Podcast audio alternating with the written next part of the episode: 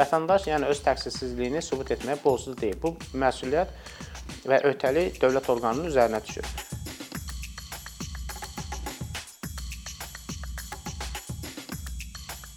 Polis bölməsinə, prokurorluğa və ya digər hüquq mühafizə orqanlarına bir gün hər birimiz dəvət edilə bilərik. Ümid edirəm ki, dəvət edilməyəcəyik, amma belə olan halda ə, bilməli olduğumuz hüquqlarımız var və bu gün bu mövzuda bizi Azərbaycan Respublikası Vəkillər Kollegiyasının üzvü Fariz Namazlı maarifləndirəcək.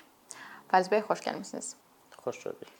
Fariz bəy, ilk sualım elə olacaq. Mən evdə oturmuşam və məni polis bölməsinə, prokurorluğa və ya mütəşəkkil cinayətkarlıqla mübarizə idarəsinə və ya digər hüquq mühafizə orqanlarına dəvət eləyirlər, gəlib götürürlər. İlkin olaraq bilməli olduqlarım nədir? Ümumiyyətlə hər hansı bir şəxsi hüquq mühafizə orqanlarına və ya polis orqanına, ə, yəni telefon vasitəsilə və ya şifahi formada və ya polis əməkdaşı gəlib qapının ağzında şifahi formada vətəndaşı polis idarəsinə və ya digər hüquq mühafizə orqanlarına dəvət edilə bilməz. Bunun üçün e, rəsmi məktub daxil olmalıdır vətəndaşın ünvanına. Ola bilər ya poçt vasitəsilə e, polis əməkdaşları bu rəsmi bildirişi göndərə bilər e, və ya polis əməkdaşı onu rəsmi qaydada özü gətirə bilər və ya poçtalyon vasitəsilə. Yəni hər bir halda rəsmi bildiriş daxil olmalıdır. Əgər rəsmi bildiriş yoxdursa, telefon zəngi ilə və ya polis əməkdaşı özü qapıya yaxınlaşıb əmək e, vətəndaşı polis e, idarəsinə dəvət edirsə, vətəndaşın həmin polis e, əməkdaşı ilə bir yerdə polis bölməsinə getməmək kimi, yəni getməməyə ixtiyarı var. Yəni getməyə bilər. Tam ki artıq vətəndaş gedib, yəni məlumat olmayıb da ki, onun belə bir hüququ var. Orda ona qarşı tam izahatın alınmasıdır, şəxsi müayinənin keçirilməsi, şəxsi əşyalarının götürülməsi, telefonun və s. bunlar ola bilərmi? Ola bilərsə hansı əsasla? Vətəndaş e, polis idarəsinə nəyə görə getməsi, ümumiyyətlə polisə çağırılmasının səbəblərini bilmək hüququ var. Belə bir hüquq qanunvericiliyə nəzərdə tutulur. Əgər şəxsi polis bölməsinə dəvət edirlərsə və ya dindirirlərsə, hansı əsasla onun dindirilmə həyata keçirilir, hansı əsasla onu çağırıblar, bu barədə bunun əsaslarını öyrənməlidir. Və e, burada yəni biz e, ayırmalıyıq bir vətəndaşın özünün könüllü qaydada getməsini, ikinci hal isə vətəndaşın tutulması yolu ilə polis e, bölməsinə getməsi halıdır. Yəni vətəndaş e, təbii ki, istənilən bir məsələ ilə bağlı polis bölməsinə gedə bilər. Amma e, vətəndaş öz iradəsi əleyhinə tutulduğu halda aparıla bilər. Yəni o ya cinayət başında yaxalanmalıdır və ya müəyyən inzibati hüquq pozuntuları var ki, yəni burada bütün inzibati hüquq pozuntuları daxil deyil. Amma cinayət qaydasında, yəni bütün növ cinayət xarakterli hadisələr, hər hansı bir hadisə baş verirsə, cinayət qaydasında, məsələn, şəxs ola bilər ki, cinayət başında yaxalanıb və ya onun konkret bu cinayəti törətməsini hansı şahidlər görüb, hansı şəxslər görüb, bu halda və ya onun əynində, üzərində və ya paltarında cinayətin izlərini əks etdirən hansısa bir xüsusiyyətlər varsa, bu halda vətəndaş öz iradəsi əleyhinə polis bölməsinə və digər hüquq mühafizə orqanlarına aparıla bilər. Amma müəyyən inzibati hüquq münasibətləri var ki, məsələn, şəxs xırda xuliqanlıq etdikdə, avar avaraçılıqla məşğul olduqda, sərbəst toplaşmaq haqqında qanunvericiliyin tələblərini pozduqda və digər hallarda vətəndaşı inzibati qaydada öz iradəsi əleyhinə polis bölməsinə apara bilərlər. E, və şəxs tutulursa, təbii ki, burada o onun tutulması sənədləşdirilməlidir ki, vətəndaş nəyə görə polis əməkdaşları tərəfindən tutulub və idarəyə gətirilib və burada o tutulursa, artıq əgər cinayət qaydasında e, o şəxs tutulubsa, təbii ki, o şübhəli şəxs qismində, yəni hansısa bir cinayətin törədilməsində şübhəli şəxs qismində polis bölməsində o, o tutula bilər və onun barəsində şəxs, yəni həmin şəxs şəxsi axtarışa və baxışa müayinəyə məruz qala bilər. Siz dediniz müəyyən indi inzibati aktlar, inzibati xətalarla da bağlı tutula bilər. Tutalım ki, bizə küçədə yazılan bu protokollarda indi əsas maska ilə bağlı yazırdılar. Hı -hı. Orda sübut kimi nə istifadə olunur? Yəni bizim videomuzun e, çəkilməsi ya da ki, səs yazımızın istifadə olunması birbaşa polis tərəfindən. İndi maska bir nümunə idi, başqa inzibati xətalar da ola bilər. O protokolun yazılma qaydası nədir? Vətəndaş barəsində hər hansısa bir inzibati, e, yəni vətəndaş inzibati xəta pozuntusu törədərsə, onun barəsində inzibati xəta haqqında protokol və daha sonra qərar qəbul oluna bilər. Bu halda həmin e, qərarın və ya protokolun əsaslı olmasını həmin protokolu tərtib etmiş şəxs e, sübut etməlidir ki, yəni bu protokol əsaslıdır. Vətəndaş yəni öz təqsirsizliyini sübut etməyə borclu deyil. Bu məsuliyyət və öhdəlik dövlət orqanının üzərinə düşür. Yəni vətəndaş barəsində protokol tərtib oluna bilər, amma bu protokolda onun həqiqətən də hə, vətəndaşın həmin inzibati xəta pozuntusunu törətdiyini təsdiq edən sübutlar olmalıdır. Məsələn, elə maska məsələn maska taxıl tax, maska taxılmamasına görə əgər məsuliyyət nəzərdə tutulubsa, bununla bağlı polis əməkdaşı sübut təqdim eləməlidir. Yəni heç bir sübut olmadan vətəndaş barəsində inzibati xəta haqqında protokolun tərtib olunması tamamilə qanunsuzdur və vətəndaş gələcəkdə həmin o protokol əsasında qəbul olunmuş qərardan məhkəməyə və ya yuxarı orqana şikayət verə bilər. Bəs bu sübut etmə yükünü on, onların üzərinə qoymağımız o anlama gəlirmi ki, şəkil və videolarımızı razılığımız olmadan çəkə bilərlər? Bu başqa inzibati xətalarla bağlı ola bilər. Nəqliyyat vasitəsinin məsələn, yəni şəklin... polis əməkdaşı şəxsin e, video və ya foto çəkilişini çəkə bilər. Sadəcə həmin çəkilişin kütləvi informasiya vasitəsində e, dərc olunması yalnız həmin şəxsin razılığı ilə mümkündür. Məsələn, biz məsələn mətbuatda biz görürük hansısa bir şəxs inzibati qaydada tutulub, xüsusən e, karantin qaydalarının pozuntusu əsası ilə xeyli sayda insanın video görüntülərinin kütləvi informasiya vasitələrində göstərirlər. Məsələn, həmin şəxsə polis polis idarələrinin inzibati binasında dəhlizlərdə düzülür və hər birinin e, maska ağzında və maska aşağı çəkilmiş vəziyyətdə onların foto və video görüntüləri çəkilir və o görüntülər yayılır.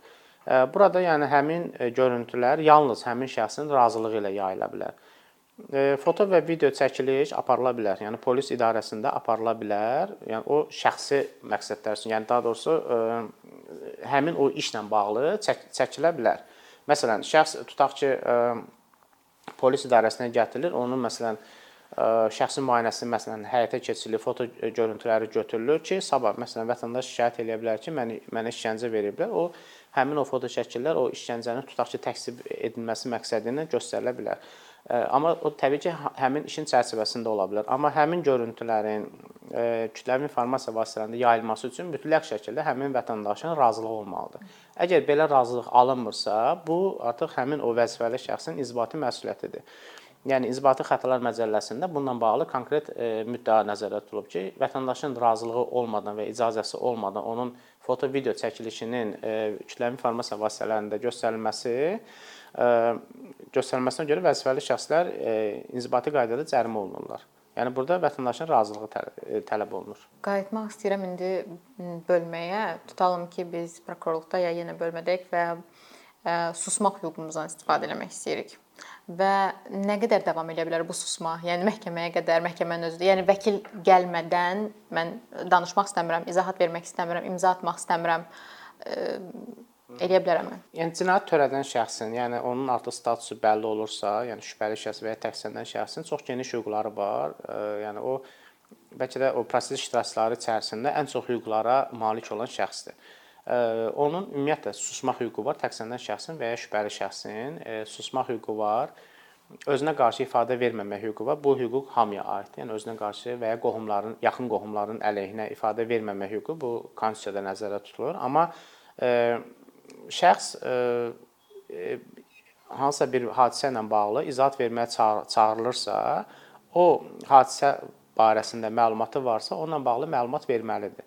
Yəni bilə-bilə yalan e, ifadə verməyə görə və ya hansısa bir cinayət haqqında yalan xəbərçilik etməyə görə və ya ifadə verməkdən imtina etməyə görə şəxslər məsuliyyət daşıyır. Amma şəxsin özünə qarşı ifadə verməmə hüququ var. Yəni bu bütün kateqoriyada olan şəxslərə aiddir. Yəni bütün statusda olan şəxslərə aiddir. Özünə qarşı hansısa bir ifadə alınırsa, şəxs ifadə verməkdən imtina edə bilər. E, eyni zamanda həmin şəxs susa da bilər. Yəni bu susmaq hüququ onun tutulduğu andan barəsində hökm çıxarılana qədər davam edə bilər. Yəni şəxs susmaq hüququndan bütün proses boyu istifadə edə bilər və onun bu hüququndan e, istifadə etməsi onun ona qarşı çevrilə bilməz. Yəni bu bütün proses boyu müstəntiqdir, təhqiqatçıdır, ondan izahat al məhkəmədir.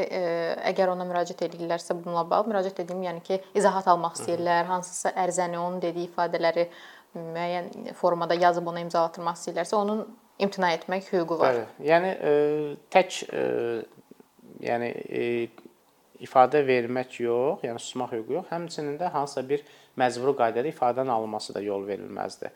Çünki sabah vətəndaş e, məhkəmədə həmin o sübutlar hansı ki, ona məcburi qaydada qol çəkdirilən ifadələr əsasında tutaq ki, ona qarşı hansısa bir ittihamlar irəli sürülüb, sabah həmin ifadələrin qanunsuz olması ilə bağlı məhkəmədə vəsatət verə bilər ki, bu toplanmış sübutlar yol verilməz sübutlardır və məhkəmə qaydasında, yəni sübutlar siyahısından xaric olunmalıdır. Hı -hı. Bəs ə, vəkilinin təmin olunması ilə bağlı nə edə bilər həmin adam? Tutalım ki, ailə üzvləri ilə əlaqə saxlanması üçün şərait yaradılmalıdır onun üçün ya da dövlət tərəfindən təyin olunan vəkillə işləmək istəmir və s. o hallarda nə edə bilər ki? Şəxs, Daha doğrusu onların bu, bu mövzuda, yəni polis və digər hüquq mühafizə orqanlarının bu mövzuda e, məsuliyyəti, öhdəlikləri nədir?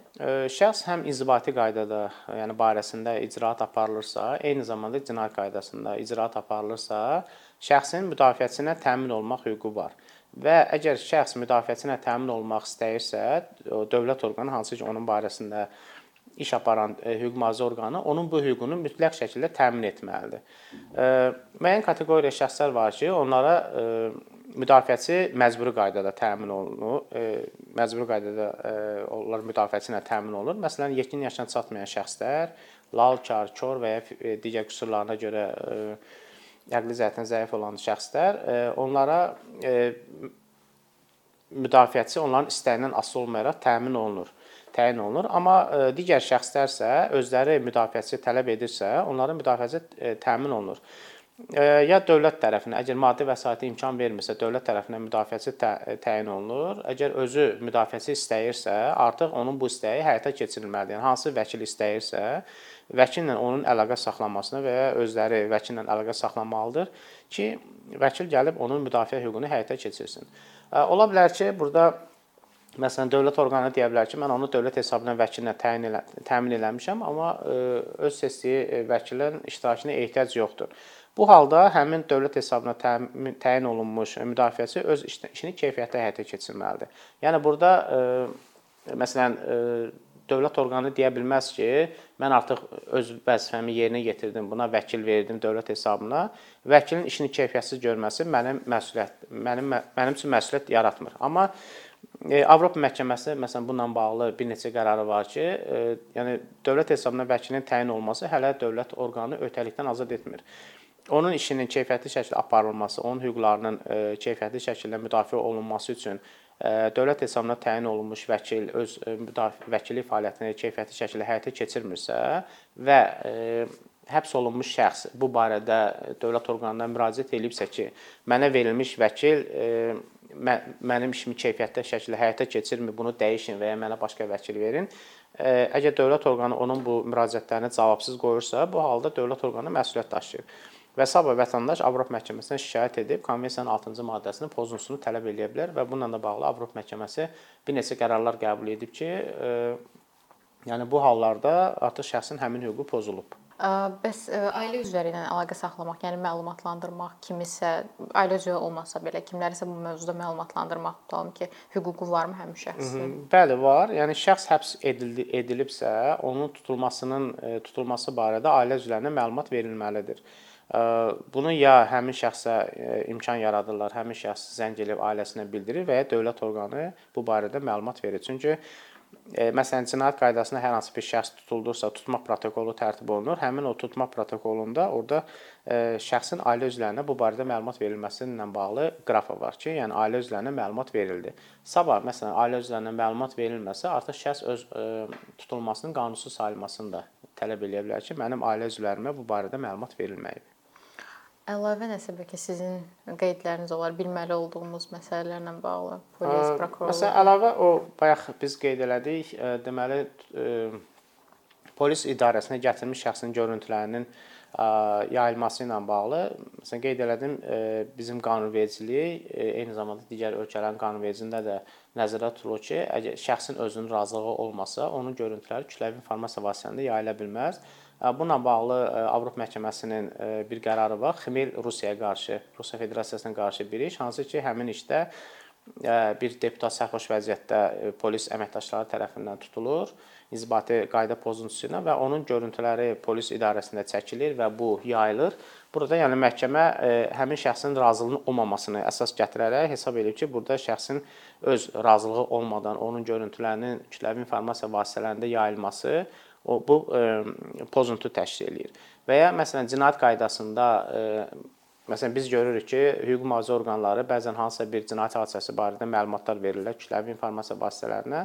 Bu qanunda nəzərdə tutulub və Cinayət Prosesi Məcəlləsində hansısa bir ə, cinayət haqqında məlumatın verilməsi və ya bəzən olur ki, məsələn hansısa bir şəxs həbs olunur, onun özü və ya məsələn müdafiəçiləri E, mətbuata məlumat verirlər, bəyanat verirlər ki, məsələn şəxsin e, qanunsuz tutulub və s. Bu halda prokurorluğun o səlahiyyəti var ki, prokurorluq e, öz mövqeyini, rəsmi mövqeyini mətbuata bildirsin.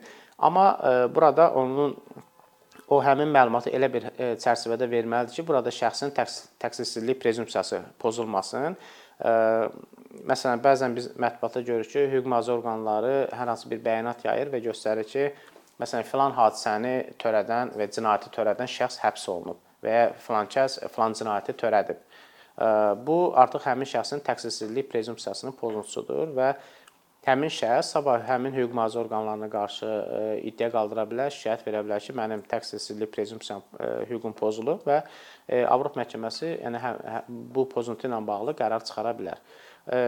Eyni zamanda kütləvi informasiya vasitələri də onlara verilmiş bəyanatları ehtiyatla yaymalıdır ki, yəni həmin şəxsin bu hüquqları pozulmasın. Əgər kütləvi informasiya vasitəsi də özləri hansısa bir şəxsin hansısa bir cinayəti törətməsi barədə məlumatlar verirsə, yenə də həmin vətəndaş həmin dövlət orqanına kütləvi informasiya vasitəsinə qarşı şikayət verə bilər.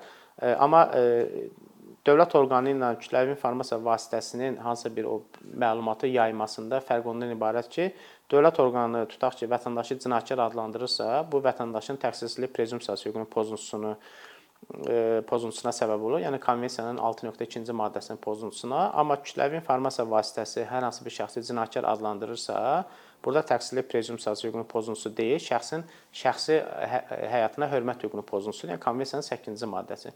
Çünki təqsirsizlik prezumpsiyası hüququnun pozuntusu subyekti yalnız dövlət orqanlarıdır, kütləvi informasiya vasitələri deyil. Sadəcə burada yəqin ki, əksər o şəkli videosu paylaşılan şəxslərdən ərizələr alınır ki, onlar öz razılığı ilə bunu ediblər. Yəqin... İnan, aha. Hə, buyurun, buyurun. Yəni onların həqiqətən də razılığının olub olmaması, işgəncəyə orada məruz qalıb qalmamaları da yəni müəyyən sual doğurur ki, həqiqətən onlar öz xoşları ilə bu videoların yayılmasının, üzr videolarının yəni yayılmasının özləri razılıq verirlər yoxsa yox?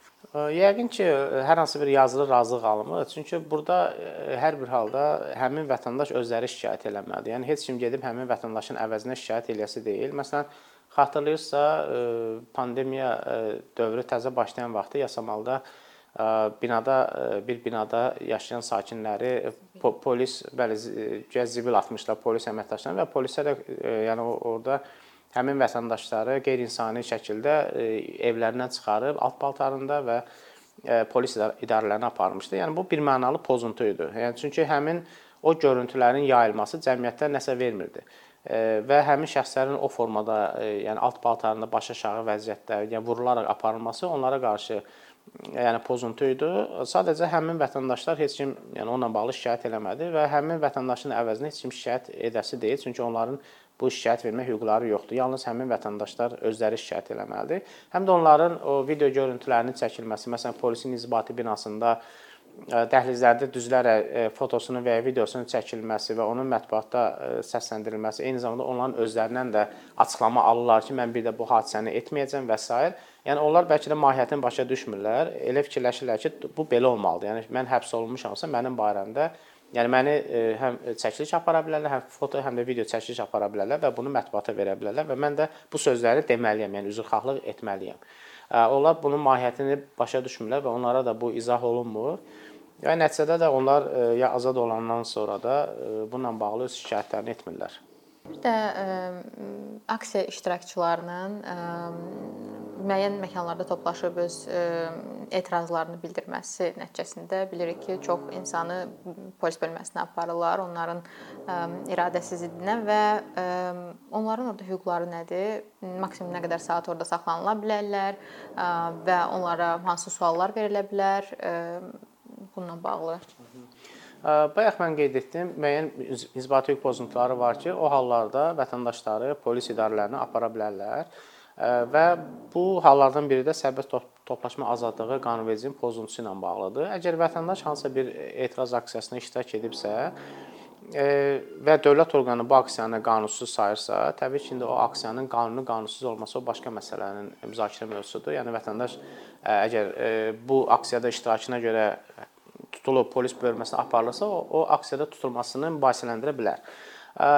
Yəni vətəndaş dövlət orqanının əməkdaşı tərəfindən hər hansı bir aksiyada iştirak etdiyinə görə tutula bilər və polis idarəsinə aparıldıqda burada o 3 saatdan artıq saxlanıla bilməz. 3 saat ərzində əgər onun barəsində hansısa bir inzibati və ya cinayət qaydasında hansısa bir qərar qəbul olunmursa, vətəndaş az azad olunmalıdır. Yəni inzibati qaydada o tutmanın müddəti 3 3 3 saatdan artıq ola bilməz. Bu saat, bu 3 saat ərzində onun barəsində hansısa bir inzibati xəta haqqında protokol və ya qərar qəbul olunmalıdır. Əgər e, inzibati xəta haqqında protokol tərtib olunursa, o inzibati qaydada tutula bilər. Və bu tutulmanın da müddəti 24 saatdan artıq ola bilməz. Ondan sonra o məhkəmə qarşısına çıxarılmalıdır və artıq məhkəmə qərar verməlidir. Amma ümumilikdə 3 e, saatdan artıq həmin şəxs inzibati qaydada, yəni tutulursa 3 saatdan artıq saxlanıla bilməz. Bu 3 saat ərzində artıq onun statusu müəyyən olmalıdır ki, yəni e, izahat alınır hadisə ilə bağlı əlaqəsinin olub-olmaması və dövlət orqanı, yəni polis orqanı hesab eləsə ki, şəxs hansısa bir e, aksiya, yəni sərbəst toplaşma azadlığı qanunvericiliyini pozub, bu halda onun barəsində protokol tərtib eləyir və qərar qəbul edir və həmin qərarı e, məhkəməyə göndərir ki, məhkəmə onun barəsində artıq həmin e, qayda pozuntusuna bağlı qərar versin. Yəni ya məhkəmə ya cərimə də eləyə bilər və ya inzibati qaydada həbs də verə bilər. Təbii ki, vətəndaş da həmin qərardan şikayət verə bilər. Bəs ə, sərbəst toplaşma hüququnun pozuntusu kimi hansı hallar qiymətləndirilə bilər? Ə, yəni dövlət orqanlarının e, fikri, yəni mövqeyi odur ki, e, hər hansı bir ə, aksiya və ya piket keçirilmək üçün mütləq şəkildə icra hakimiyyətindən razılıq alınmalıdır. Amma Avropa məhkəməsi isə əksini e, bildirir ki, yəni vətəndaş hər hansı bir aksiya keçirmək üçün əvvəlcədən məlumat verir. Məlumat xarakterli məktub göndərə bilər ki, mən filan aksiya keçirdim. Əgər həmin aksiya başqa şəxslərin hüquqlarını pozmursa, bu halda həmin vətəndaş e, həmin aksiyanı sərbəst şəkildə keçir keçirə bilər. Sadəcə e, Azərbaycan praktikasına görə e, vətəndaş hansısa bir aksiya, piket, mitinq keçirmək istəyirsə, əvvəlcədən icra hakimiyyətinə bu barədə məlumat verməlidir və icra hakimiyyəti razılıq verməsə, bu e, yəni e, Azərbaycan hüquq mühafizə orqanlarının fikrinə görə bu qanunsuz aksiyadır və həmin aksiyada iştirak etmək qanunvericinin pozuntusu sayılacaq. Aydındır. Çox sağ olun məlumat üçün, çox sağ olun gəldiyiniz Buyurun, üçün. Sağ olun.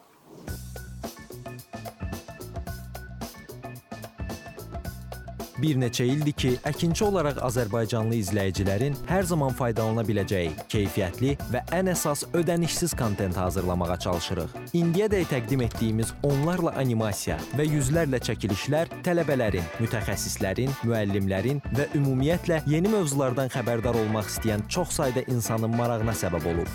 Bu illər ərzində hazırladığımız videolar təhsil, texnologiya, ictimai fəallıq, iqtisadiyyat, gender bərabərliyi, ətraf mühit, ifadə ifadə azadlığı, hüquq, demokratik inkişaf, mədəniyyət və digər mövzuları əhatə edib. Məqsədimiz çoxlu baxış gətirən deyil, çoxlu fayda gətirən videolar hazırlamaqdır. Amma bu düşündüyümüz qədər asan deyilmiş. Gördüyümüz iş kifayət qədər resurs, əmək və təbii ki, davamlılıq tələb edir. Bu səbəbdən Patreon platformasından istifadəyə başladıq. Əkinçinin Patreon hesabının populyarlaşmasına çox böyük ümidlərimiz və gözləntilərimiz var. Bəziləriniz Patreon haqqında ilk dəfə eşidirsiniz. Əslində çox sadə izahı olan bir platformadır. Təsəvvür edin ki, siz rəssam və ya musiqiçisiniz. Sosial şəbəkələrdə sizi izləyən, işinizi bəyənən çox sayda insan var. Patreon platforması sizə imkan verir ki, izləyicilərinizin könüllü aylıq ödənişləri sayəsində işinizi davam etdirəsiniz. Sərgi, konsert zallarından asılı qalmayasınız. Amma bu təkcə rəssam və musiqiçilərə aid deyil. Məsələn, əkinçiyə bənzər fəaliyyətlə məşğul olan bəzi layihələrin 10 minlərlə patronu var. Biz də düşündük ki, nə üçün əkinçinin Patreon hesabı olmasın? Sizin dəstəyiniz sayəsində biz daha çox və daha keyfiyyətli kontent yaratmağa davam edə biləcəyik. Amma bu dəstək yalnız maddi dəstək deyil. Dəstəkçilərimizin sayının artması gördüyümüz işlərin faydalı olduğuna dair əminlik verir.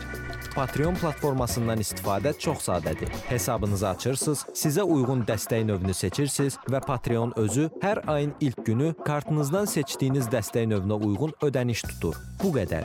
Sonda onu demək istəyirik ki, dəstəkçilərin sırasına qoşulmaq istəyən, amma məhdud imkana görə bunu edə bilməyənlər narahat olmasın. Daha öncə dediyimiz kimi, bizim əsas məqsədimiz daha çox insanın hər zaman faydalana biləcəyi keyfiyyətli və ödənişsiz kontentin yaradılmasıdır. Bunun üçün mütləq patronumuz olmalısınız deyə məcburiyyət yoxdur. Amma imkanınız patron olmağa çatırsa və bizim işimizi bəyənirsinizsə, patronlarımızın sırasına qoşulmağınız bizim üçün çox önəmlidir.